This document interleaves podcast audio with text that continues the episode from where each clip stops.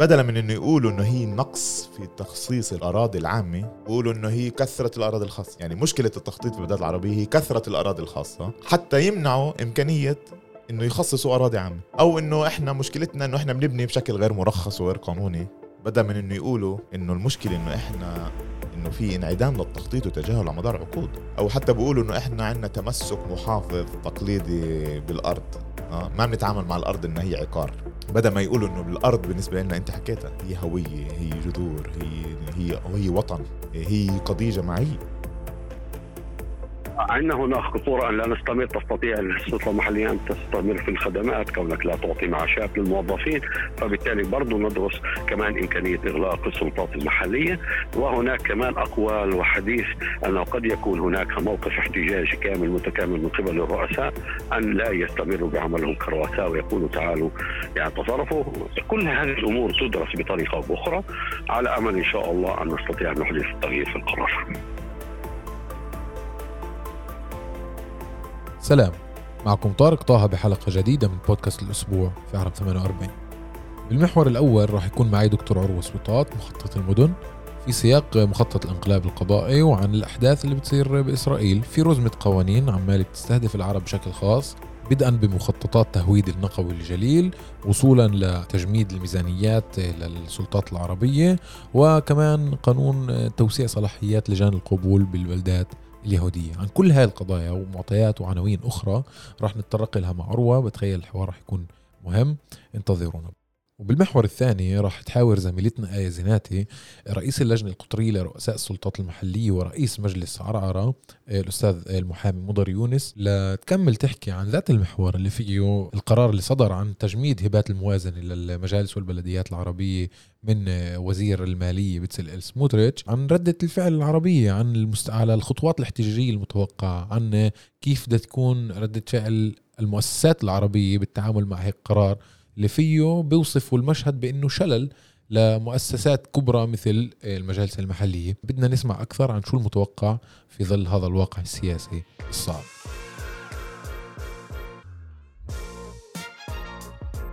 قبل ما نبلش الحلقة إذا بتسمحوا اللي لسه ما عملنا متابعة على منصات البودكاست المختلفة أعطونا فولو وأعطونا ملاحظات على حلقات سابقة وعلى هاي الحلقة وأعطونا مقترحات لحلقات مقبلة. يلا كونوا معنا. مرحبا عروب حياتي حبيبي. عروة بالأول بدي أبلش معك إنه بنتمنى لك النجاح والتألق بالخطوة القادمة إيه، في بوسطن واللي راح تعمل فيها كباحث زائر في جامعة تافس في كلية تخطيط المدن. بالنجاح كيف أمورك؟ آه، تعرفي انفعال. مش تأثر تحضيرات كيف؟ آه يعني تحضيرات صعبة نفس الوقت آه، أنا متأكد رح نشتاق تعرف للحبايب للأهل للأصدقاء للزملاء للإخوة للأحبة. آه، بتأمل إنه تكون هاي محطة يعني مثيرة مركزية في رحلة الحياة. مش مش هويا بس آه، بفكر مهم. المهم طبعا على المستوى المهني والشخصي و... مهم مرات الواحد يبعد عن الإزعاج اللي حواليه هي شوي. اعتكاف اعتكاف بسيط وراجعين أكيد يعني ف طيب. جذورنا صامده هون يعني. بس بس أنا طيب. الهدف طبعا إنه نشوف شو عم بيصير بالتخطيط والأقليات بالعالم. ونجيب هاي يعني المعرفة كمان. إحنا بدنا نوصلها بالحوار ونحكي عنها وعن كيف نستفيد من تجارب غيرنا وكمان نتعلم من تجارب قائمة كيف إحنا ممكن نوصل لمحلات أفضل. طيب شوف عروة اليوم حديثنا بده يتقسم لعدة نقاط يعني هيك عملنا لها إعداد مسبق أنا وياك عشان كمان إحنا والمستمعين نستفيد. آه، بس بده يكون بمجال التخطيط الاستراتيجي والمعايير اللي بيخضع لإلها. على مستوى تخطيط المدن وإحنا بسياق نقل فلسطينيين في الداخل. آه، وحديثنا جاي بسياق عدة أحداث صارت مؤخرا. المصادقة على قانون لجان القبول آه، اللي فيه بشكل واضح بيكون العربي غير قادر إنه يسكن بعدة بلدات أو مختلطة أو يهودية حتى مش مختلطة يعني بلدات يهودية بيقدرش يسكن فيها لأنه خلص لأنك عربي بتقدرش تسكن فيها من خلال إعاقة لجان القبول والى آخره. وكمان بسياق الحديث عن المصادقة على مخطط آه، إقليمي اللي فيه مخطط سكة القطار اللي من العفولة لجنين للأردن للسعودية كيف التخطيط والسياسة بيلتقوا مين مين بيطوع مين المعيار آه، السياسي والرؤية السياسية كيف تخ يعني كيف بتخضع المعيار المهني لإلها. في عدة تساؤلات بدنا آه، نحكي عنها. ولكن بالبداية بدي نبلش بالنقطة الأولى اللي فيها بنحكي عن لجان القبول.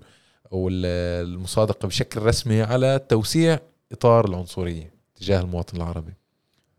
يعني طلع إيه يعني تتخيل طارق إنه أنا وياك كل العرب اللي عم بيسمعونا إحنا ما بنقدر قانونيا دستوريا إنه نسكن بالقانون السابق ب 942 بلده في وطننا بالقانون الجديد ب 1172 بلده في وطننا. يعني تعرف لما بنحكي ابرتهايد بنحكي هالكلمات الكبيرة.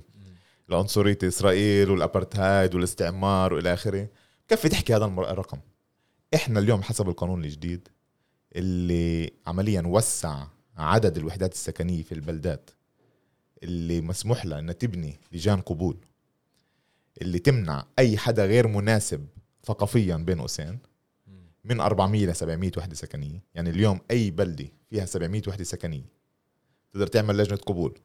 ولجنة القبول تمنع أي حدا غير مناسب ثقافيا. وحسب القانون لجنة القبول مكونة من خمس أعضاء. واحد منهن هو ممثل الصهيونية العالمية مش عم بمزح. لما تشوف هاي الأرقام وتشوف هاي المعطيات. أكيد مش راح يقبل عروة وطارق ومحمد وأحمد إحنا بنحكي على 1172 بلده في وطننا خي طارق يعني هاي هاي جريمة. هذا هو الإقصاء. الفصل العنصري اللي إحنا بنحكي عليه في الحيز.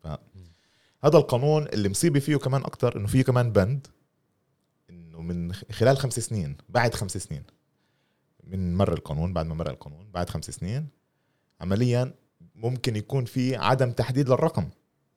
يعني ببطل في 700 يعني يصير اليوم كرميل لتعمل لجنه قبول تقدر فرضا آه. يعني القصد تبعي إنه هذا القانون لجان القبول هو لازم نشوفه بسياق الانقلاب القضائي اللي عم بيصير. يعني كل هاي النقطة اللي لسه يعني بدنا نوصل لها نتطرق لها ونربطها بهالموضوع. ببودكاست الأسبوع كان في عندي عدة ضيوف حكينا عن خطة الانقلاب القضائي من عدة جوانب قانونية اجتماعية اقتصادية وسياسية وإلى آخره من القضايا.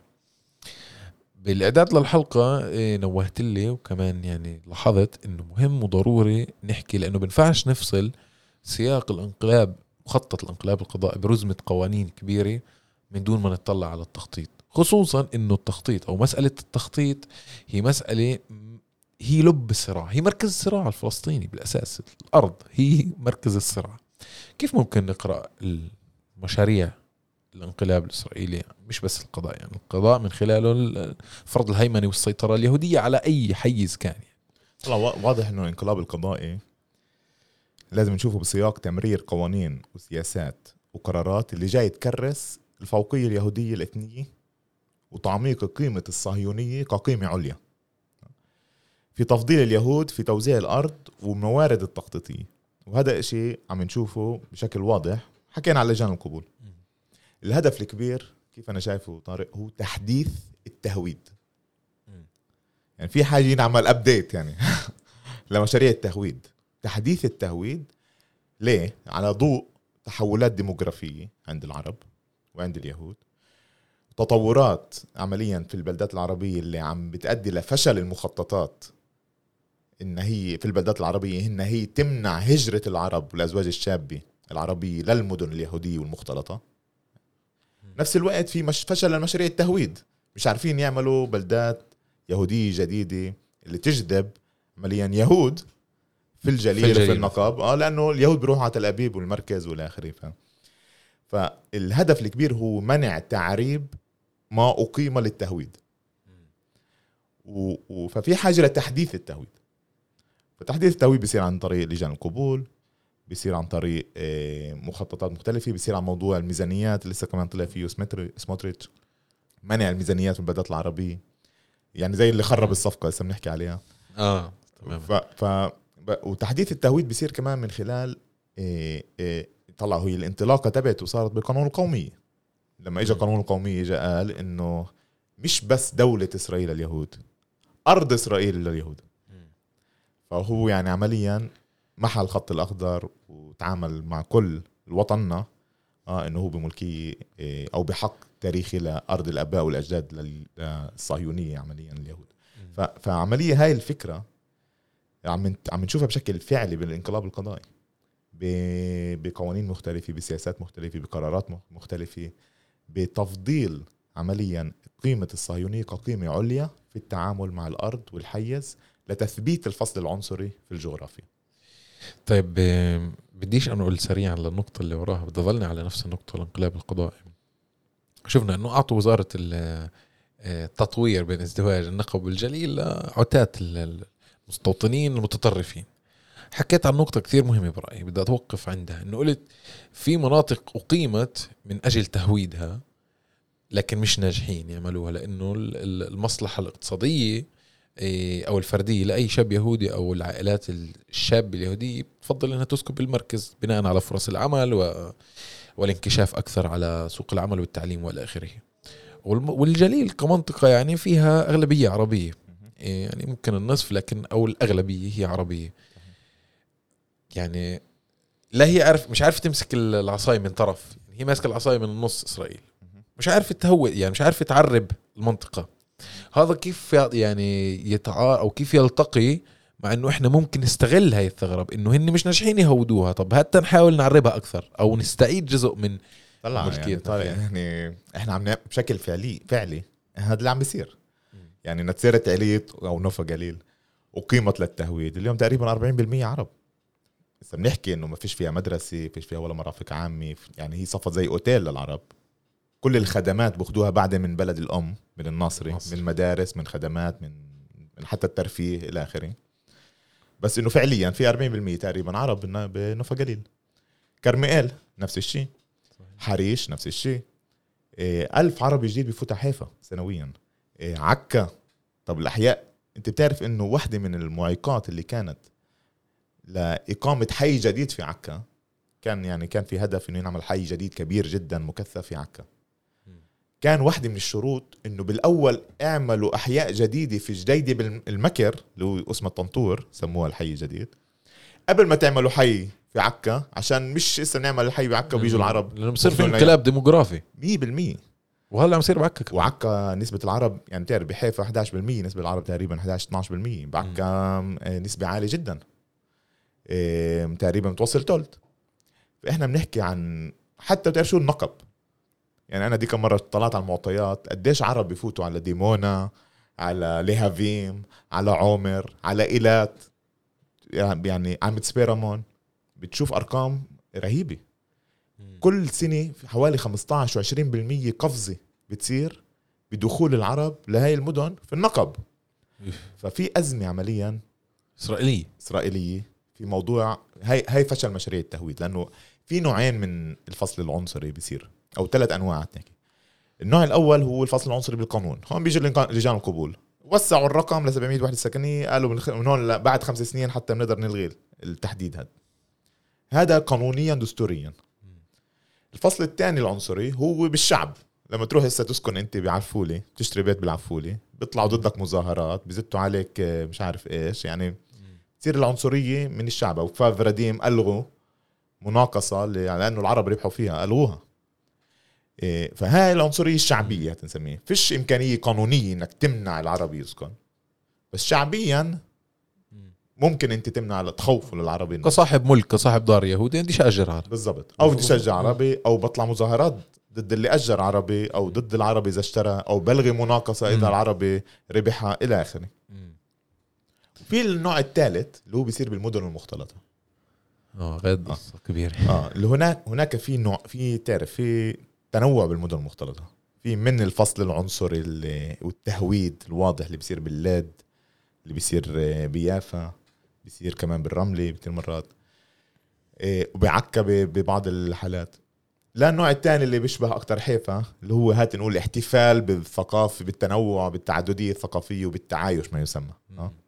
بس النوعين قاعدين الأساس على البنية التحتية تبع التكريس الفوقية اليهودية في الحيز. حتى بالاحتفال التعايش آه لما بتشوف في مدينة حيفا والتخطيط والسياسات وإلى آخره بتشوف إنه لا في أحياء حي وادي النسناس آخر مخطط فيه صار من 1934 بس مؤخرا يعني من خلال دوري في لجنة المحافظة وبعده يعني مع لجنة الحي وهي صار في دفع إنه يصير في مخطط جديد إسا بعده يعني بطور بطور الرسم. القصد هو هذا التجاهل والتهميش أو التهويد هو هدفه بالآخر تكريس هاي الفوقية. يعني كل ما أعدته إسرائيل على مدى عقود من أجل التضييق وتضييق الخناق على الفلسطيني المواطن في في إسرائيل في الداخل. آه، قد ينفجر في وجهه بمعنى إنه ال- ال- ال- البلدات اللي كانت بدها تحافظ عليها بتفوق يهود تفوقها اليهودي آه، قد آه، تنقلب فيها المعادلة الديموغرافية أو على مستوى المناطق مثل الجليل مثل النقب. آه، بتصفي بتصفي المركز مركز البلاد هو آه، مركز التجمع اليهودي الأساسي. والمناطق ال ال ال الريفية آه، على مستوى فلسطين بتصفي عربية صرف يعني. وهذا خطر استراتيجي على إسرائيل. فلذلك يعني هي عم بتحاول من خلال حكومتها من خلال تنفيذ أو تمرير القوانين لإحكام السيطرة أكثر على على هاي على هذا التوسع العربي. هو طارق واضح إنه يعني ملاحظة هون بس إنه إسرائيل مش شيء واحد. هذا اللي إحنا مم. كمان عم نشوفه. فيها أذرع ليه مرات كثير مرات متضاربة. يعني في تناقض بنيوي في السياسات وال- والنهج اللي هي بتتبعه عمليا بشكل الحكومي يعني في وزارات بدها أكثر تعطي تنفيس للعرب في وزارات بدها تخنق العرب أكثر في القدس مثلا. كل شيء اسرائيل بتعمله كان بالقدس هو بيمنع فض... يعني بيمنع إمكانية إنه العرب يطلعوا من القدس. لأنه عمليا القدس الشرقية صفت أغلبية تقريبا يهودية من ناحية من النواحي المحيطة لإلها يعني. صار في باطرافها صار في إيه، يعني بطل في إمكانية إنك أنت تعمل حتى فصل آه اللي بالطموح تبعهن كان السابق إنه يكون في هذا فصل هذا بدل إنه في خطوات كتير مرات إسرائيل تعملها للتوسع لل- للتوسع. بس هي كمان تضرب حالها بحالها بهاي الناحية. لأنه في أذرع اللي هي متضاربة بهذا السياق وفي توجهات أيديولوجية مش قاعدة في صراع وهذا بين لسه بالاحتجاجات طيب هذا كمان بما إنك أنت عرجت للقدس يعني بده ياخذنا لمحل آه بدنا نتطرق على عجالة يعني المخطط الإقليمي والضفة الغربية وطموحات التوسع والضم. وكمان هذا يعني بخلي ما بنقدرش نفصل إنه في سياق حكومي هالقد مسيطرة متمكنة من آه، تنفيذ قراراتها وبناء آه، مشاريعها. مخطط آه، سكة القطار اللي صودق عليه باللجنة اللوائيه للتخطيط والبناء بالمنطقة الشمالية. آه، اللي هو خط سكة القطار من العفولة جنين ثم الأردن والمملكة العربية السعودية. هذا كمان بيجي بسياق التطبيع وسياق المحادثات آه، حول التطبيع مع دول الجوار العربية. آه، لكن إسرائيل كل مخطط إقليمي بتعمله بيكون عينها وين على الضفة. تتفرج على الضفة كيف ممكن تضمها وتصير تشوف الخط الأخضر بشكل هامشي في شو شو ممكن نحكي عن هاي النقطة؟ طلع واضح. يعني انت عم تحكي بالضبط انه الدولة عينها دائما على الضفة. هسه هاي هي مش بس قصة القوة تبعت هذا هاي المقولة. انه هي نوع من فانتازيا معينة صهيونية اللي اسمه أرض الآباء والأجداد إيه، لليهود فقط. آه. انه في في فانتازيا صهيونية اللي هي مز... اللي هي فانتازيا جماعية هي فكرة جماعية. بس ولكن هي مول م... هي مزروعة وهي كدافع نفسي بشكل فردي لكل واحد وواحد. فهذا المخطط اللي قاعد بطابع 20 ممكن مش بيبي رئيس الحكومة اتصل له قال له اسمع اعمل هذا ال- الفصل العنصري أو اعمل هذا المخطط. هو لحاله عمله آه؟ لأنه في ذهنيا هو في شايف. عقيدة جماعية مزروعة بالأفراد اللي هي بتحركهم نفسيا. اللي هي اسمها أرض الآباء والأجداد لليهود فقط. وإنه العرب هن بيخربوا هاي الف- الفانتازيا. إحنا بنخرب إحنا مخربين عليهم آه. مخربين عليهم تطبيق الفانتازيا. فواضح إنه الفانتازيا الصهيونية هي الضفة. هي أرض الأباء والأجداد. يعني يعني سارة و- وتعرف كل هاي الحكي مش بحيفا. ولا تل أبيب. آه بالآخر هي بالضفة. فهي عينها على الضفة ومخططاتها للضفة. وهي بنشوفها إنه كيف التخطيط له دور إنه يربط بين الحيزين. بين ال 48 وال 67 يعني انت حكيت على سكة الحديد ممكن نشوف مخططات خاصة بالقط بال بال بالبنى التحتية المختلفة بال ب- حتى بنى تحتية مثل ال- البيئيه آه؟ أو حتى بنى تحتية خاصة بالغاز أو حتى بنى موارد المي كمان. موارد المي أو حتى شوارع إلى آخره. فإحنا بنشوف بشكل واضح إنه التخطيط عم بيتعامل مع الخط الأخضر إنه هو غير موجود. إنه غير موجود. وإنه بيوما ما هاي الفانتازيا سيتم تحقيقها. يوما ما. وإحنا لازم نهيئ. آه يعني طبعا حسب الادعاء الصهيوني. وإحنا لازم نهيئ كدولة إسرائيل كل ما نستطيع إنه لما تتحقق يكون الأرضية جاهزة. عشان هيك التخطيط هنا بفوت باخذ دور فعال ومركزي في كيف يصنع حيز أو أرضية جاهزة أو حي أو يعيد صناعة الحيز من جديد اللي يمحي فيه عمليا الفصل بين حيز ال 48 وبين حيز ال 67 وقانون القومية هيأ دستوريا لهي الفكرة لما هو قال زي ما قلنا قبل إنه أرض إسرائيل لليهود مش بس دولة إسرائيل. فهاي الفكرة بين أرض إسرائيل ودولة إسرائيل ومحي الفصل بين الكلمتين هدول. عمليا التخطيط بيجي ينبع من وينبثق من هاي الفكرة الدستورية. طيب عروة بدنا هيك نخش يعني نخش مباشرة على موضوع التخطيط المحلي على مستوى الفلسطينيين بالداخل إحنا وبلداتنا العربية وكذا إسرائيل في عندها طبعا يعني عندها كثير إدعاءات ليش ممكن تعوق أي مشروع تخطيطي. في عندها من هون لآخر الدنيا إدعاءات ليش؟ ليش تعوق؟ وبسلاح البيروقراطية اللي ممكن يقتل أي مشروع. بس في- في عوامل ذاتية وفي عوامل موضوعية يعني. بس بدنا نتطرق للبقية المتبقية القليلة من الأراضي داخل مساحات بلداتنا العربية اللي قسم اللي قسم الكبير من هاي الأراضي المتبقيه ستاتوس تبعها بملكية خاصة. وهذا هذول أصحاب الأراضي هن أقلية أصحاب الأراضي هن بشكل عام أقلية. وبيلعبوا دور كثير مركزي. في إحنا فلسطينيين داخل مرقنا تحول. تحول بسياسة الاعتراض على مخططات إسرائيلية أو بتحول ب... ب... ب... بتبنينا لمعنى الأرض نفسها. شو اللي مرقناه إحنا؟ هات نحكي على شقين هون. يعني إيه، الشق الأول إنه في خطاب الخطاب التخطيطي السائد أو التخطيط السياسي السائد الحكومي بيحكي شيء من هذا النوع. تجاه البلدات العربية بيحكي شيء من هذا النوع. شو أزمة البلدات العربية من ناحية التخطيط؟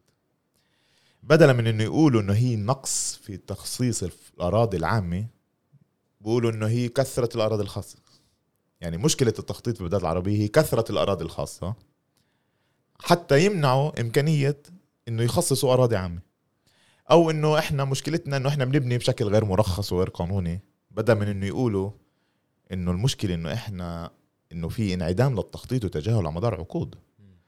أو حتى بيقولوا إنه إحنا عندنا تمسك محافظ تقليدي بالأرض آه ما بنتعامل مع الأرض إنها هي عقار آه يعني بشكل استعلائي. كأنه هذا يعيبك يعني. آه بالضبط.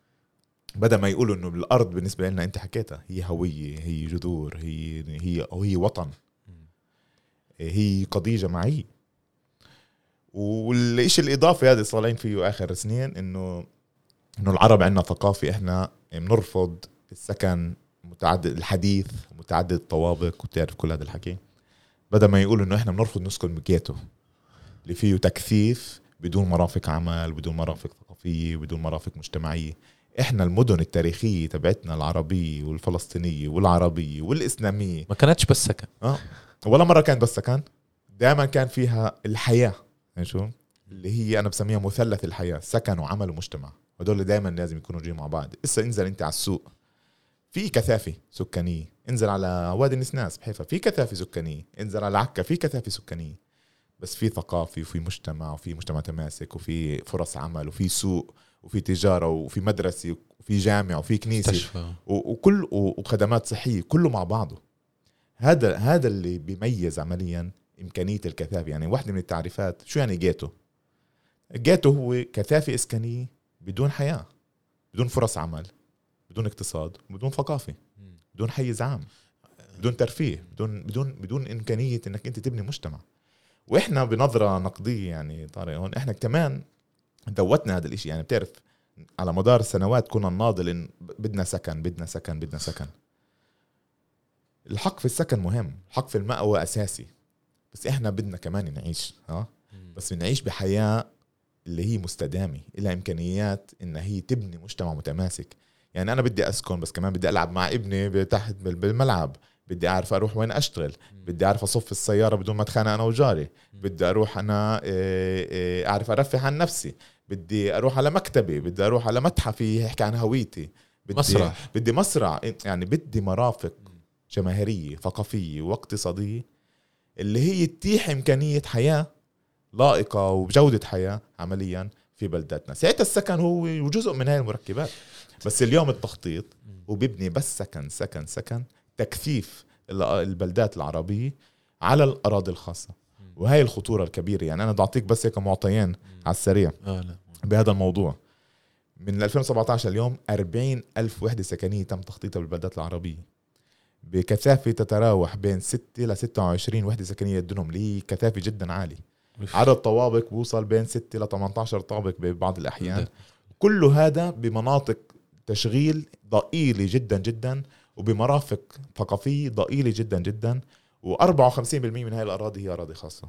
فيش أي تخطيط لائق اللي بيبني مكونات لجودة حياة بيصير على أراضي خاصة بهاي الطريقة. فيش هيك شيء فإحنا رايحين عمليا على قتوة البلدات العربية. إسا في المقابل حكيت شو كيف بيأثر علينا هذا. طارق هات هات نفتح الاعتراضات قبل 15 سنة على المخططات اللي كانت. ونفتح الاعتراضات اللي عم بتصير آخر سنة وسنتين وثلاثة وأربعة. رح تشوف فجوة رهيبة. التحول اللي صار بالتخطيط نحو ال... هات نقول إيه، إلقاء عبء الغبن التاريخي وانعدام التخطيط على كاهل الأفراد من خلال هاي تكثيف البلدات العربية على الاراضي الخاصة. كل هذا بيبين كمان كيف إحنا استدخلنا هاي الفكرة. يعني قبل 10 و15 سنة لما كانوا يمسوا أرض ببلدة عربية كنا نطلع بمظاهرات باحتجاج شعبي كنا نتعامل مع الأرض إنه هي قضية جماعية. حتى هي الشهداء يقدموا نفسهم. بمس. حالي ب... ب... بمصادرات مختلفة أرض المال. بأرض الروحة إلى آخره. يعني بالنقب بقضية برافر يعني كان في تصدي جماعي رهيب جدا. لأنه إحنا بنتعامل مع الأرض كأصلانيين كأصحاب وطن كقضية جماعية وكقضية وطن. اليوم بتشوف الاعتراضات كلها تحولت نحو التوجه العقاري الفرداني.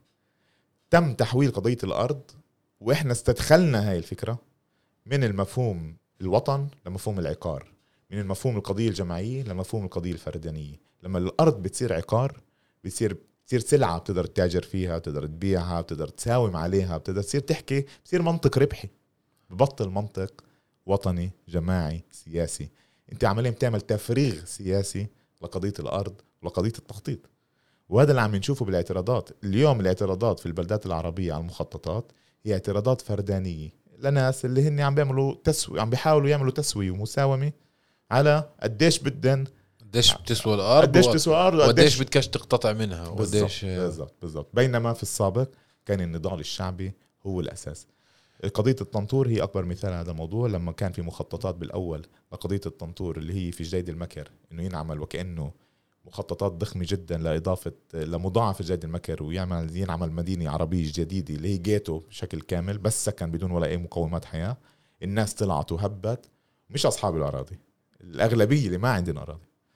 وقفوا المخطط وقدروا بعدين يحولوه لصالحين بالطريقة اللي اليوم السلطة المحلية هي مسيطرة عليها. فالقصد هو إنه هون بيجي دور المجتمع المدني هون بيجي دور النضال. إنه إحنا نطلع على مضمون التخطيط. ونشوف التخطيط هذا. شو عم بيعمله تمام. هي هاي نقطة المجتمع المدني والتعبئة الجماهيرية والشعبية هاي هسه بنوصل لها بس بتضلني شوي عند النقطة اللي قبلها اللي بلشت تحكي عنها ومهمة إيه بلشت تحكي عن جملة إنه إسرائيل بتحاول تلقي عبء الغبن التاريخي اللي ارتكبته بسلب الغالبية العظمى من الأراضي من أصحابها ومن قراها وسحق القرى والمدن الفلسطينية وحصرنا في جيتوهات بدي أظل عند هاي النقطة شوي بأنه بدي أفوت على منطق صاحب الأرض اللي عنده دنم أو دنمين اللي تبقوا يعني ما- مما تبقى من بعد السرقة والسلب الكبير بالنكبة الفلسطينية 1948 ظل عنده دنمين وفي غيره كمان عشرات آخرين بالبلدة و... وإسرائيل بالنسبة لها مشكلة العرب هي أزمة السكن وإذا بدكم حل لكم المشكلة لأنه المشكلة هي بس البناء فبدنا نفاوض أصحاب الأراضي الخاصة بدنا نعطيهم يعني أرباح ما أو خليهم يكونوا مستفيدين. وصار الاعتراض على منطق اقتصادي وعقاري. بس هذا أنا يعني بقدر ممكن أفهمه لأنه هو في عنده إيه، تراوما النكبة هاي السلب صحيح. تراوما الفقدان. بمعنى إنه أنا ظل عندي هاي الدنم أو هاي النص دنم. أروح أخسره بالقوة ولا أخسر جزء منه للصالح العام وأربح منه مصاري. فمنطقه شوي أنا مش بديش أبرر ادعائه بس بقول المنطق إسرائيل خلتنا نفكر بالمساحة المحصورة وما خلتناش نفكر بال ألف دونم اللي حوالي كابول وحيفا وعكا وكفر ياسيف اللي هن إسرائيل وسلطة أراضي إسرائيل والصندوق القومي الدائم لاسرائيل سيطروا عليهن وسلبوهن منا ليش مثلا بنطمحش بأنه قرانا زي أي قرية أو مدينة يهودية يتوسع خط الأزرق؟ ويعني ليش ليش طموحنا محصور بالمساحة اللي إحنا محصورين فيها؟ إيه، أنا حسب رأيي بتعرف قبل عشر سنين صار في زي تحول استراتيجي في تعامل الدولة اتجاه السكن في البلدات العربية. يعني في السابق كان تجاهل بالكامل. داخل الخط الأزرق اعملوا اللي بدكم إياه. اسكنوا بدون رخصة ابنوا ولا سائلين. الدولة شافت إنه هذا الموضوع عم بيؤدي لهجرة الأزواج الشاب العربية لمدن مختلطة وزي ما حكينا عن موضوع خطر التهويد أو خطر فشل التهويد. فصار في تحول جديد إنه لازم إحنا سنتدخل بطريقة السكن في البلدان العربية. وهون بيجي اللي أنت بتحكيه إنه صار في زي صفقة معينة بين السلطات المحلية وبين المؤسسات الحكومية. صفقة إيش بتقول؟ خذوا ميزانيات هي بلشت 9 2 2 بالأساس الخطة الحكومية 9 2 2 خذوا ميزانيات. بالمقابل إحنا إيه عمليا رح نعطيكم وحدات سكنية. بس عندنا شرط إنه في شرطين. الشرط الأول البناء المكثف على الأرض الخاصة. يعني بناء متعدد طوابق على أراضي خاصة. الشرط الثاني بدكم أنتم تمنعوا البيوت إنه حدا يبني بيت بدون عمليا ترخيص. بدون ترخيص. كيف ما طبعا تعرف هاي سخرية يعني لأنه ما فيش مخططات. فأنت بدك تبني بدون ترخيص. بس بيقولوا لك بنقدرش نعمل لك تخطيط إلا إذا بتمنع البناء الغير بدون ترخيص يعني الناس عمليا ضلها معلقة تنه ياخذ سنوات عمليا تنه ما يصير في تخطيط لائق اللي هو يتيح له مجال انه تبني. طيب يصادق عليه. بالضبط. ف فالمبدئيا هاي الصفقة إنه خذوا ميزانيات بس أنتم عندنا شرط إنه تبنوا على الأراضي الخاصة وإنسوا التوسيع إنسوا إضافة الأراضي العامة إنسوا إنه يكون في زيادة عمليا و... آه آه زيادة من الدولة أراضي لا للبلدات بشكل اللي هو يكون لائق. انسوا كل هذا الموضوع.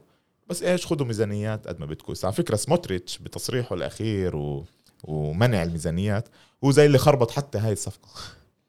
يعني هو اعاد بعثره الأوراق على الطاولة كمان مرة. اجى قال لنا واليوم سلطات محلية تعرف في خيمة اعتصام واحتجاج والى آخره. هو قال لنا حتى هاي الصفقة مرفوضة علي حتى هاي الصفقة مرفوضة علي لأني أنا حتى بميزانيات بديش أعطيكم. وإذا بدكم أنتم بدكوش بلاش فيش حاجة تسكنوا فيش حاجة. فهاي التعامل تعرف إنه إنه خرب كل شيء يعني حط حط حط السيف على الطاولة. آه. أنا صفقة المقايضة بين الميزانيات وبين البناء المكثف على الأراضي الخاصة لسه هو خربطها اليوم التخطيط كتير بلا محلات تم إعاقته تم تجميده.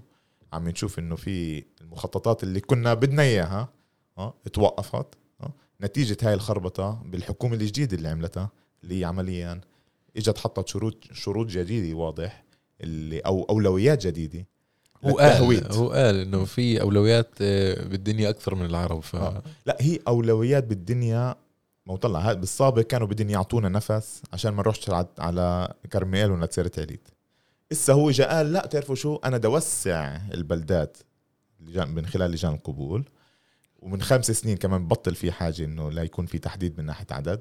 أنا بدي أضيف بلدات يهودية جديدة في مخطط تهويد كبير في النقب وفي في الجليل. فعمليا الأولويات عنده للتهويد والاستراتيجية التهويد زاحت من عندها موضوع تنفيس العرب داخل البلدات. شكله مفكر خي أروح هو إنه يحول سياسة النزوح الداخلية من كابول مثلا لعكا يحولها من لسياسة تهجير طوعية. إنه بقدرش أخليك تتوسع ببلدك بوقف عنك ميزانيات التوسع والتخطيط وإلى آخره وبرضه بمنعك تسكن ببلدة يهودية. فبصفي عندك خيار ثالث إنك تطلع من برا البلد. وهي يعني هذا طموح الأصل إنه إنه الناس بالآخر تشوف حالها مهاجرة مش مش هون. يعني شوف طارق اليوم يوم الإنسان العربي وين يروح يعني إذا هو داخل البلدات العربية عنده أزمة. بالمدن اليهودية اللي بيصير بواجه العنصرية.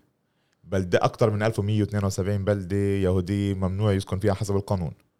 إذا بده يجي على يعني على صف عنده بس إمكانية حيفا. شو عكا وإلى آخره. وكمان راح يواجه تحديات يعني حيفا أقول أخف إشي بس كمان راح يواجه تحديات بالمدن المختلطة لأنه ما في مرافق عامة ولا في تخطيط لمدارس. يعني نزرت عليت كلها فيش مدرسة عربي فكله هذا عمليا عم بضيق. وبتعرف شو هاد نحكي كمان اخويا؟ يعني مع كان الناس عم تسمعنا يعني.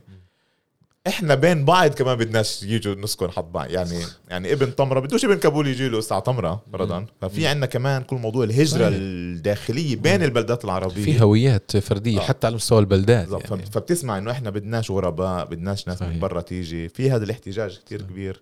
بكتير بلاد إنه ما بدنا إحنا نبني وحدات سكنية نجيب غرباء. نجيب غرباء على بلداتنا والى آخره وخوف بالأساس من من الجريمة ولا من جريمة أو حتى من دخول العملاء اللي هي كتير مرات فاتت صحيح. على كتير بلاد عربية وخربت النسيج الاجتماعي.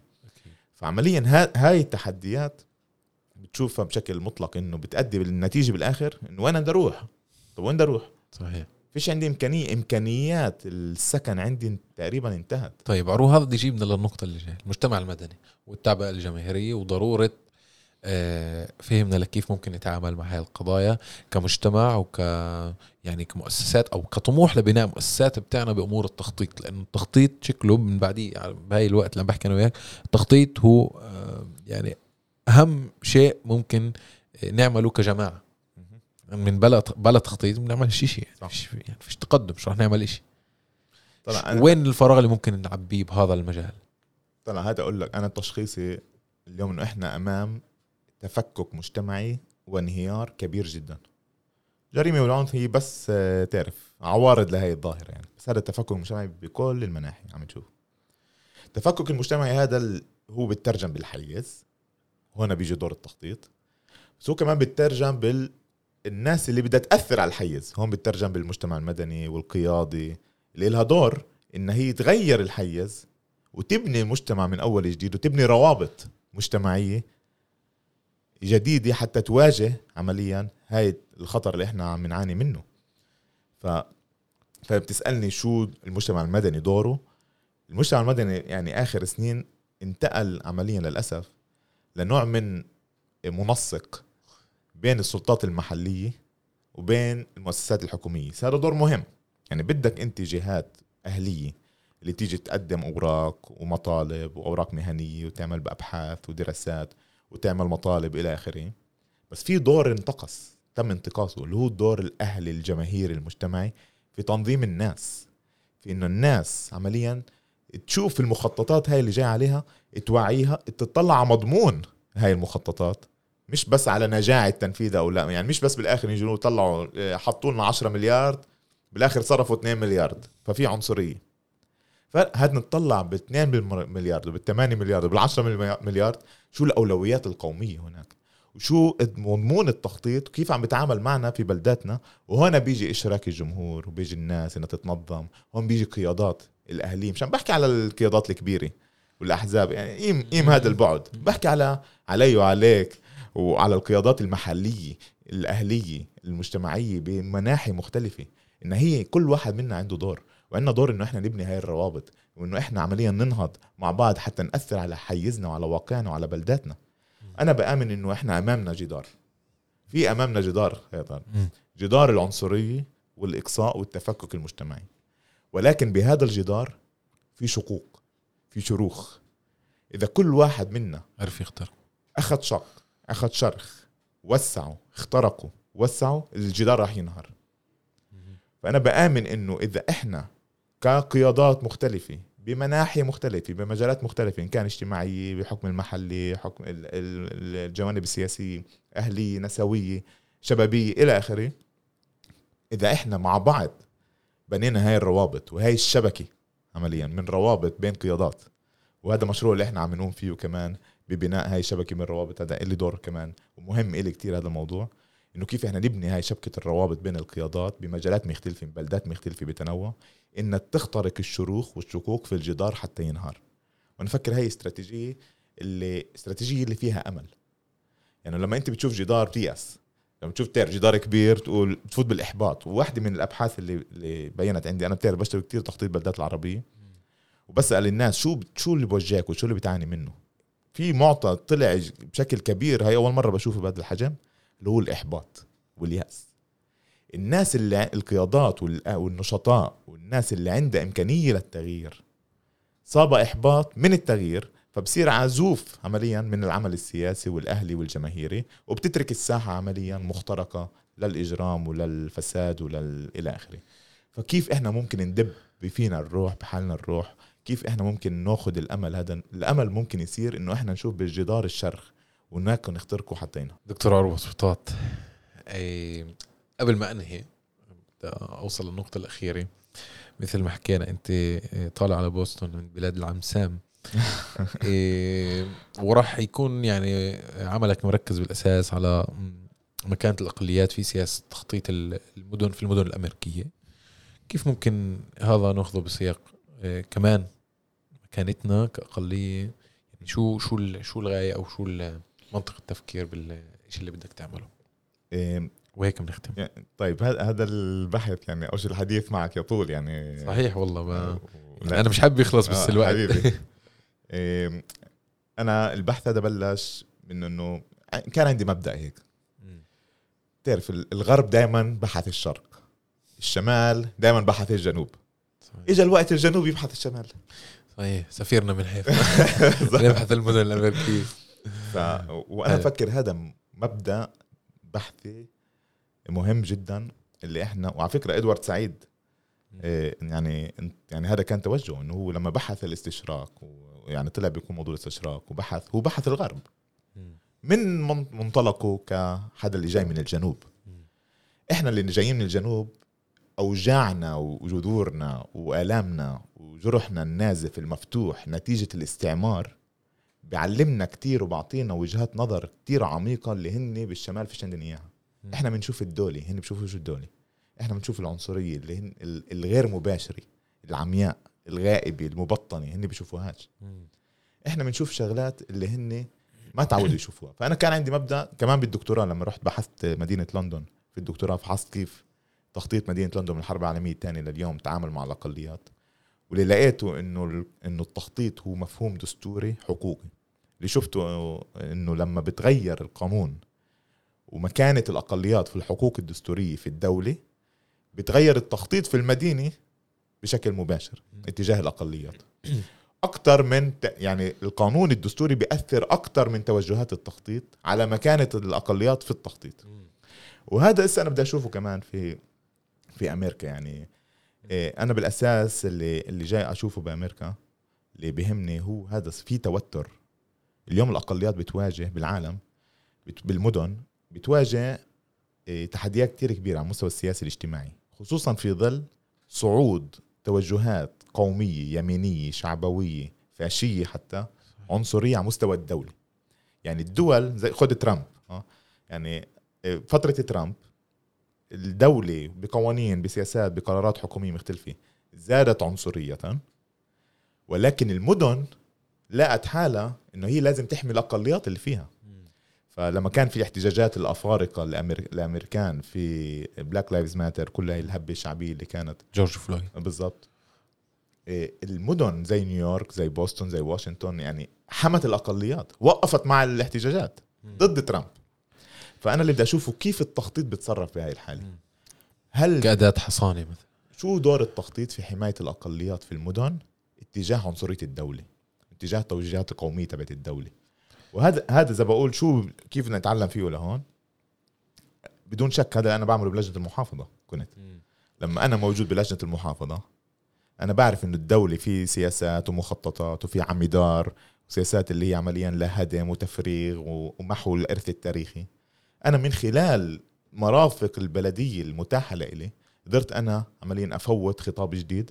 اللي اول إشي بيحكي عن عمارة عربية فلسطينية مدينية حضارية تاريخية حداثوية هذا المصطلح أول مرة بيكون بمستند رسمي. وقدرت أحمي وادي النسناس بالكامل آه، بوادي الصليب في البلدة تحتها في الحليصة في وادي جمال. أحمي الإرث التاريخي العربي الفلسطيني. وهي القضية هي قضية جماعية. يعني أنا مم. آه، كان واضح الهبة الشعبية اللي صارت لما حاولوا بتعرف يطلعوني من اللجنة لأنه هذا الموضوع قديش مهم. ف فإذا بناخذ كمان حتى على سياق بيافا آه، كيف أهمية إنك أنت لما تيجي تحمي الناس بيافا أنت ممكن تحميها ضد الدولة عمليا. فأنا فكر التخطيط له دور كتير مهم. كيف بتعامل مع الإرث التاريخي تبعنا؟ كيف بتعامل مع السكن تبعنا؟ كيف بيتعامل مع المرافق العامة؟ مع المرافق مع التطوير الاقتصادي؟ كل هاي المفاهيم التخطيط بالآخر بترجمها لخرائط ولمخططات لمشاريع في الحيز إلها دور في حماية الأقلية. دكتور عروة سلطات مخطط المدن. شكرا جزيلا. نرجو لك النجاح آه، والنجاح الدائم ودائما للحفاظ على مقدساتنا وإرثنا وأماكننا وحيزنا. ونحن بحاجة دائما لناس فاعلين بهذا الحيز لتطوير أحيازنا وجعلها أماكن قابلة للحياة. لا وطارق كمان لازم نحكي انك انت كمان مخطط مدن ناشئ وصاعد. عم تعمل عم تعمل بحث رهيب جدا. المره الجايه أنا بدي أكون بالشيء الثاني. أسألك الأسئلة على البحث اللي أنت عم تعمله وبفكر إنه أي إنسان وطني زيك وزي كتير شباب اللي إحنا بدنا إياها تكون لازم تكون بساحة التخطيط. لازم تغير في إيش بيصير بالحيز. ممنوع إحنا نخلي الإحباط واليأس ينزل علينا. شكرا عروه شكرا يعطيك العافية.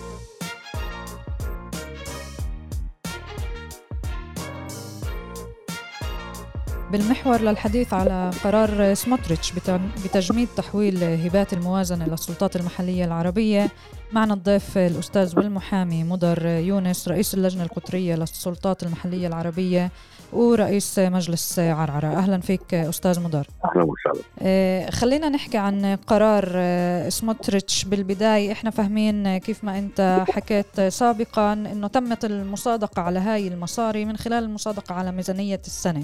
للحكومة الحالية. وهلأ سموتريتش آه، مش مش معنى إنه يجمع يحول آسفة هاي المصاري. عمليا إذا بدنا نحكي إمتى تم مفروض يعني إمتى كان مفروض يتم تحويلها؟ يعني المفروض خلال السنة كلها يعني خلال سنة 2023 ولكن بما إنه ميزانية الدولة لم يصادق عليها فبالتالي تم تأخير ولم تحول. ولكن بشهر ثلاثة وزارة الداخلية أصدرت رسالة يعني اللي أعطت فيها توصيات للسلطات المحلية العربية إنه من ضمن الميزانية السنوية تبعتها لسنة 2023 إنه هذا المبلغ يؤخذ بعين الاعتبار وعلى هذا الأساس تصرفت السلطات المحلية العربية. اليوم بحال إنه هذه المبالغ لم تحول آه، أدينا لعجز آه، أكيد في داخل كل السلطات المحلية العربية. يعني وبالتالي هذا العجز آه، معناه أنا لا أستطيع أن أحدد بقية الأمور اللي أنت آه، وضعتها ضمن الميزانية. يعني آه، على الرئيس أن يكون وأن يقرر كيف يعمل أو يدخل السلطة المحلية في عجز. أصعب من العجز أنه لا يستطيع أن يدفع يعني المصاريف أو المدخولات هذه المصاريف اللي مستحقة. يعني أنا أستطيع أن أقرر أنني سأتعامل مع الموضوع وكانه المبلغ موجود ولكن في نهاية المطاف المبلغ مش موجود فبالتالي أنا ما بقدر أدفعه. فهي المشكلة الأولى. أو أن يقتطع من أمور يلغيها يعني أن بدل ما يعطي آه، الخدمة المثلى للمواطن عن طريق مثلا تجميع النفايات يقرر أن يجمع النفايات بصورة أقل وبالتالي المواطن أن لا يرمم المدارس أن آه، لا يدفع صندوق التقاعد للموظف أن فهي الأمور كلها يعني نتحدث عن آه، ميزانية اللي هي تصب أو بالأساس هي الميزانية اليوم يوميه في الخدمات اليومية للمواطن. هي ميزانيات أكثر من ذلك. من ضمن الميزانيات نحن علينا أيضا أن نمول برامج اللي هي تعطى من قبل الحكومة، أي الحكومة تعطي ميزانية من أجل برامج في الرفاه الاجتماعي، في التعليم، هذه البرامج يشترطون على السلطات المحلية أن يكون لها اشتراك معين نعم. ما يسموه هم بعمليه إنه ضمان مسؤولية. أن بطبيعة الحال يعني السلطة المحلية عندما تدفع اشتراك مبلغ معين من ضمن الخطة فتعمل أكثر على تأكيده فالقصد هنا ممكن يكون هناك خطورة أن لا تدفع لا يكون هناك هذا الاشتراك. وبالتالي ما سيحدث هنا أن هذه البرامج لا تنفذ. يعني هل كان في برامج إيه؟ آه طبعا موجود. أنا أعطيك على سبيل المثال برنامج للرفاه الاجتماعي يعنى بقضية آه، شبابنا العاطلين عن العمل جيل من بين 18 وال 24 اللي نحن نتوجه له ببرامج حتى لا يكون في في الشوارع وفي وبالتالي نعرف أين يؤدي هذا المكان وبحالة الوضع المستشري في مجتمعنا. هذا البرنامج قد يكون من داخل الدولة حولت أو تريد أن تحول لهذا البرنامج مبلغ. وعلى السلطة المحلية أن تمول مبلغ معين بنسبة 10% عندما لا يكون للسلطة ال 10% أنت تخسر ال 90% فإذا أنت لم مبلغ ال 200 ألف على سبيل المثال أنت خسرت مبلغ ال 2 مليون. فأبعاد الخطة هي مش فقط ال 200 مليون أبعاد الخطة أو أبعاد هذا القرار آسف سموتريتش وليس فقط ال 200 مليون لكل ال 67 سلطة محلية عربية الأصعب هو ما سيؤدي هذا على برامج أخرى اللي هي تفوق بكثير ال 200 مليون، نعم. هم يقولون ان يستمرون بالخطط الاقتصادية اللي معا من أجل المجتمع العربي ولكن بالفعل هم يجمدونها بهذه الطريقة. يعني لما إحنا بنحكي إنه هاي رح تأثر على مش بس السلطات المحلية إنما كمان على سكان كل السلطات المحلية. شو إسقاطات هاي القرار؟ أنتم كيف بتشوفوا إسقاطات القرار هذا بتجميد الأموال؟ يعني بنهاية المطاف عندما نتحدث عن سلطات محلية عاجزه عن تقوم بواجباتها فبالتالي نعرف أن المواطن سيكون في وضع أن لا يس... لا لا يس... لا يكون له هذه الخدمات وبالتالي كل الأمور. نحن نخاف أبعد من ذلك. يعني عندما سلطة محلية لا تقوم بواجباتها. على سبيل المثال لا تجمع ما بقايا أشجار ولا اخره فنتخيل آه، بطريقة معينة مواطن آه، لديه يعني حديقة معينة قام بتقليم أشجار والى اخره ووضعها من أجل أن تأتي يأتي المجلس ويأخذها ويحولها لمكان آخر للموضوع عندما لا يأتي المجلس بطبيعة الحال ممكن أن يحدث هذا خلاف مع جاره بسبب أن هذه كومة الأشجار آه، تسبب مشكلة، نحن نعرف في مجتمعنا اليوم ما معنى خلاف بين أشخاص، خلاف بين أشخاص لا يحل بكلام اليوم، خلاف بين أشخاص قد يؤدي لاستعمال سلاح يودي بحياة ناس، وضعنا في مجتمعنا نحن شايفين، هذا الأمور شايفينها، فأبسط الأمور لننظر إليها بأبسط من هذا المنظار، قد يقول بعض الناس أننا نحن نبالغ، ولكن نعرف في مجتمعنا كأبناء مجتمعنا أننا لا نبالغ.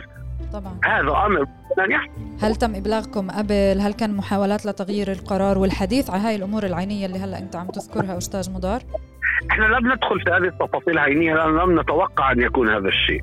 اللي بالعكس يعني عندما تحدثنا عن هذه المبالغ كان جواب الحكومة انه عندما تقرر ميزانية الدولة نستطيع تحويل المبلغ. ميزانية الدولة أقرت بشهر خمسة فيجب تحويل المبلغ. عندما لم يحول المبلغ وتوجهنا بهذا الأمر كان هناك ادعاء من قبل سموتريتش أن هناك مشاكل أن هذه الموارد تأتي للإجرام المنظم للسلطات المحلية. نحن نعرف ان هذا صحيح لا فعندما تحدثنا في هذا الأمر حاولوا أن يأخذوا هذه المبالغ أو قسم منها من أجل تغطية مصاريف أخرى تتعلق بال, بال... ما يسمى الأفرخيم أو وعودات للأحزاب الدينية المتشددة. فعندما احتجينا هذا الأمور وأيضا هذه الأحزاب رفضت من الأحراديم رفضت أن تأخذ هذا المبلغ من العرب جاء سموتريتش الآن في قرار وقال أنا لا أريد أن أحول هذه المبالغ هذه وعودات أعطيت من قبل الحكومة السابقة آه، بائتلافية. وهذا غير صحيح نحن أثبتنا أن هذه المبالغ بدأت في حكومة نتنياهو السابقة قبل الحكومة اللي كانت موجودة كانت لبيد هي وجدت على أيدي نتنياهو من قبل حكومة نتنياهو السابقة. نعم ولما بتقولوا هيك شيء كيف بيكون التعامل؟ يعني هل نتنياهو 12 7 أخذ قرار في اللجنة الوزارية الخاصة بالمجتمع العربي.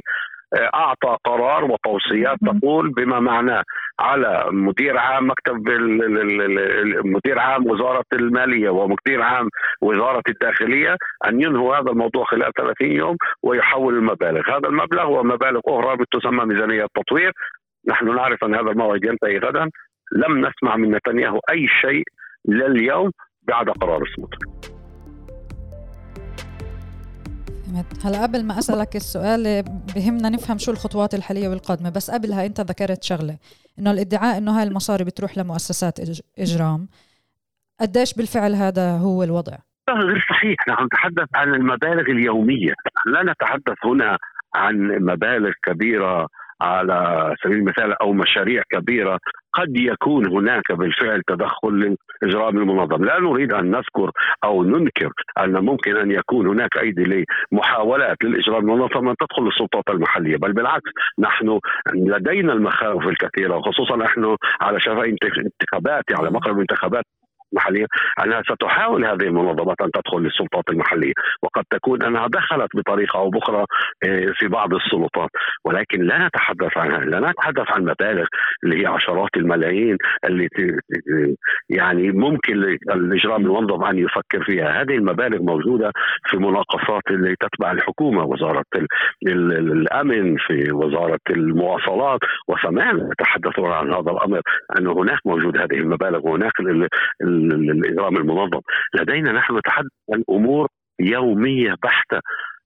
فبالتالي كاذب غير صحيح وجد من أجل آه، أجندة سموتريتش أنه لا يريد تحويل آه، ميزانيات للعرب يريد هذه الميزانيات أن يأخذها له لأماكن أخرى وهو موقفه يريد آه، أن يضعف المجتمع العربي ويضعف القيادة العربية. نعم، أستاذ مدار لما عمليا اليوم في تمييز فوقي واضح بتصريحات علنية يعني سموتريتش بيقول أنت عربي ولأنك عربي أنا بديش أعطيك هاي المصاري، إحنا شو موقفنا السياسي اليوم من هاي الممارسات؟ يعني كيف بده يكون كمان شكل العلاقة ما بين السلطات المحلية وما بين الحكومة؟ يعني نحن اولا كسلطات محلية نتعامل مع كل الحكومة الوضع الحالي نحن لا نختار الحكومة ممكن ولكن علينا أن نتعامل مع كل حكومة ايا كانت.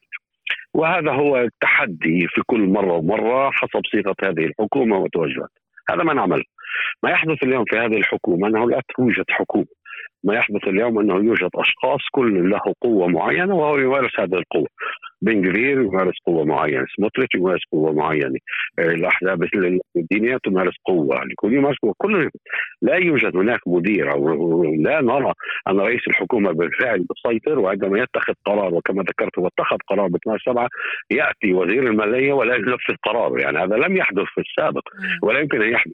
يمكن أن يحدث هنا أن وزير لا لا يتجاوب مع مع وزراء آخرين أو مع حكومة تطالبه أن يعمل هذا الشيء ويقول لا أريد.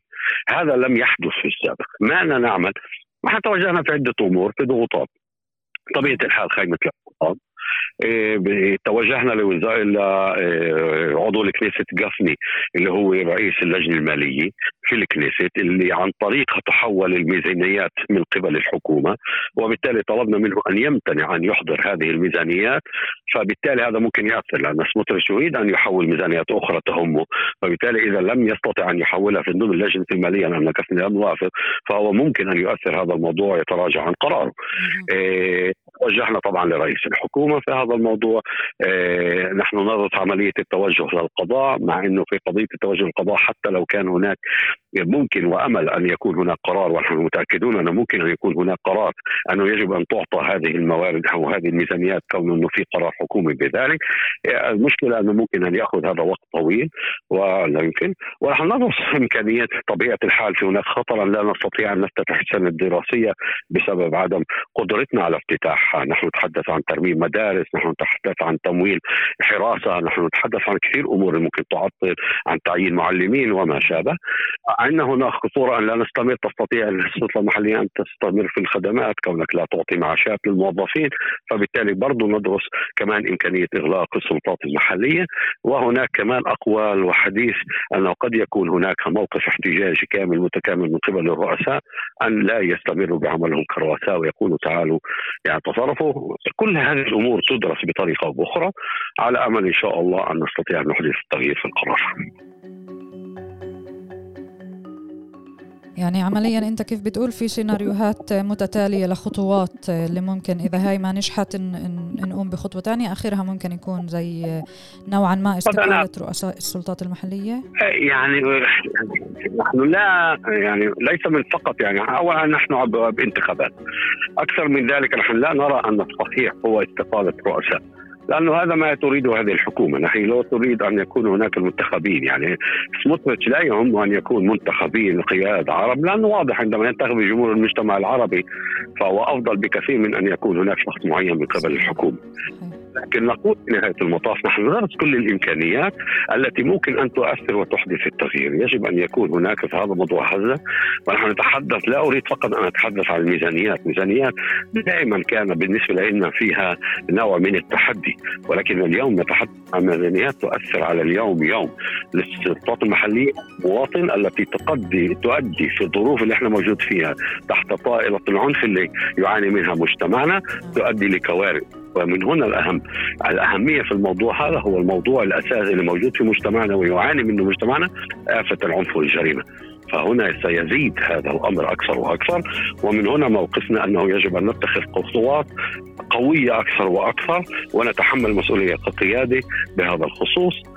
فندرس كل الإمكانيات. نعم. واستاذ مدر إحنا بنعرف انه اللجنة القطرية لرؤساء السلطات المحلية ولجنة المتابعة في ظل هذا الوضع السياسي عم يعني بنحاول يكون في إجماع وموقف جماعي هل إحنا بنضمن فعلا إنه ما يصير في محاولة لتسربات لسلطات عينية اللي تحاول هي تأخذ إشي لحالها ويضعف الموقف الجماعي يعني نحن نعتمد على رؤساتنا وعلى رؤسائنا وقيادتنا إيه، أن يتصرفوا ككل عندما نتشرذم تكون النتيجه النتيجة هي إيه، هكذا. يعني ان أن يحدث الخلل وبالتالي لا ننجح. وأنا متأكد من فطنه كل هذه القيادة أنها لا تستطيع أن تعتمد على أي من هذه الحكومة بوعودات ايا كانت لا سموتريتش ولا غيره. نحن نعرف من نواجه فبالتالي أنا متأكد انه قيادتنا ستكون بقرار جماعي. هل تتفق على قرار جماعي واحد؟ قد تختلف الآراء. قضية استقاء غير استقالة. موضوع مطروح ولكن ليس معناه أنه إذا هو مطروح فهو القرار لأنه قد يكون هناك وجهة نظر تختلف. ليس من منطلق أنه أريد أن أنشق ولكن من منطلق يمكن أن يكون. لماذا أعطي هذا الأمر إيه لسموتريش هذا ما يريده سموتريش وأنا لا أريد. لماذا أعطي تحكم في بلداتنا للجان معينة وأترك أنا القيادة في الموضوع؟ هذه أسئلة ندرسها وبقوة كشكل جماعي. أنا متأكد من الوحدة الجماعية ويتخذ القرار بشكل جماعي حتى حتى نستطيع أن ننجح في مهامنا نعم. هلا أنا بدي أرجع شوي خطوة لورا على إسقاطات ممكن هذا القرار. هل بحاله هذا القرار ضل زي ما هو؟ نتأمل أنه لا طبعا وأنه خطواتكم تنجح والوضع يتغير. هل هذا بيقول أنه بيجيبنا لسيناريو لتصريح موظفين في السلطات المحلية؟ ناس اللي تصير كمان تفوت بطالة؟ طبيعي طبيعي طبيعي طبيعي. يعني أعرف هناك سلطات محلية عندها مشكلة بدفع المعاشات. فبالتالي يعني والان ليس بعد. أنا متأكد أن كل السلطات المحلية ستأتي لهذا المكان سيكون عندها مشكلة بدفع المعاشات. ولكن آه، هناك سلطات هي موجودة في هذا الوضع الحالي. فبالتالي آه، نسبة البطاله والاخر والتأثير واضح. يعني يعني عندنا المخاوف. يعني أنا لا أحاول للأمر ولكن أستطيع أن أقول عندما هذا الموظف الذي لديه التزامات والسلطة المحلية لا تدفع الالتزامات سيبحث عن موارد أخرى وهذه الموارد قد لا يجدها في داخل البنك أو غيره فيمكن يتحول لأماكن أخرى مضطرة. فبالتالي هذه الأماكن نحن نعرف نتيجتها. نحن نعرف ما معنى أن تذهب إلى السوق السوداء وتأخذ هذه المبالغ. وعندما لا تستطيع ان تعيد هذه المبالغ نعرف ما ما يحدث صحيح. في مجتمعنا. صحيح. فإن سيؤدي الامر فبالتالي المخاوف ترجع وتقول أكرر القضية ليست فقط قضية ميزانية للسلطات المحلية. القضية هي أوسع من ذلك في ظل الظروف اللي نعيشها كمجتمع. سلطاتنا المحلية عانت في السابق وعلى ما يبدو ستعاني في المستقبل من قلة الميزانيات. ولكن مجتمعنا تعامل مع هذا الأمر بطريقة أو بأخرى. اليوم المجتمع في ظل الظروف اللي هو موجود فيها لا يستطيع التعامل بالطريقة السابقة والهاوية كبيرة. ممكن أن يؤدي هذا لهاوية كبيرة في مجتمعنا وأوسع من الوضع اللي إحنا موجودين فيه السيء اللي إحنا موجودين فيه. نعم يعني عمليا إحنا بنقول لما كنا بنفكر إنه بهاي الميزانيات ممكن نعمل مشاريع للحد من ظاهرة العنف والجريمة لمساعدة شبابنا لاحتضانهم فهلأ إحنا بنحكي على سيناريو مختلف تماما اللي هو يعني ممكن يكون زيادة آه، دخول الناس للأسف للاضطرار بأنها تتوجه آه، لسوق سودا والوضع يصير هذا خطر حقيقي وارد جدا. نعم ف... فإحنا هيك كمان أستاذ مضر شهرين ما قبل الانتخابات وإنت ذكرتها كم من مرة. كيف بتزامن هذا القرار على المجريات القادمة والقريبة علينا؟ إحنا في ظل كل قضية الانتخابات في ظل الظروف اللي يعيشها مجتمعنا آفة العنف وخطر التأثيرات ومحاولة تأثيرات من قبل عصابات الإجرام إحنا عايشينها. ففي ظل الظرف هذا صار الوضع أصعب وأصعب بطبيعة الحال. أن لا أربط بين هذا وذاك يعني بطبيعة الحال ولكن كل حدث اللي ممكن أن يزعزع هذا المجتمع فبالتالي إحنا عارفين من سيحاول يدخل أو يستغل هذا الظرف اللي يعاني منه المجتمع أو هذا التفاقم اللي ممكن يكون فيه. نعم، سؤال أخير واختتامي أستاذ مضر هل بتآمن إنه ممكن يكون عندنا قوة كفاية لتغيير هذا القرار ويصير في ضغط على سموتريتش لتغيير قراره؟ إحنا مشكلتنا مع سموتريش الشخص بطبيعة الحال أنه لا يتعامل مع الموضوع بعقلانية هو لديه أجندة وبالتالي عندما له أجندة نحن نرى كيف هو يتعامل. شخص يريد أن يمحي حواره شخص لا يأبه بردود الفعل الخارجية المؤثرة التي تعتمد على إسرائيل. فواضح انه الأمر صعب يعني مع سموتريتش لكن هذا لا يعفينا من أن علينا أن نرفع سقف النضال نعم. وأن نستمر هذا واجب نعم. أستاذ مدر يعني هو بالضبط اللي أنت بتختتم فيه إنه نرفع سقف النضال ونوحد عن جد صفوفنا أكثر إذا بتحب تزيد كلمة أخيرة لمجتمعنا اللي هلأ رح يعني ممكن للأسف نشهد وضع اللي هو أسوأ مما نحن عليه. آه، بحب هيك جملة للاختتام منك. مجتمعنا أجدادنا قاموا بحماية وتواجدوا وتحملوا الصعاب من أجل أن يعيشوا في هذا الوطن الذي لا وطن لنا غيره. نحن اليوم كمجتمع يجب أن نتعاضد أن نقول الكلمة نكون مع بعض ونتوجه بشكل آه، قوي آه، ضد أي محاولات للمس بهذا الشعب وبابناء المجتمع. أشكرك جزيل الشكر أستاذ مدار شكرا كثير ويعني نتأمل أنه عن جد ننجح نغير أي شيء لو بالقليل. يعطيك العافية يعطيك ألف عافية نهارك سعيد.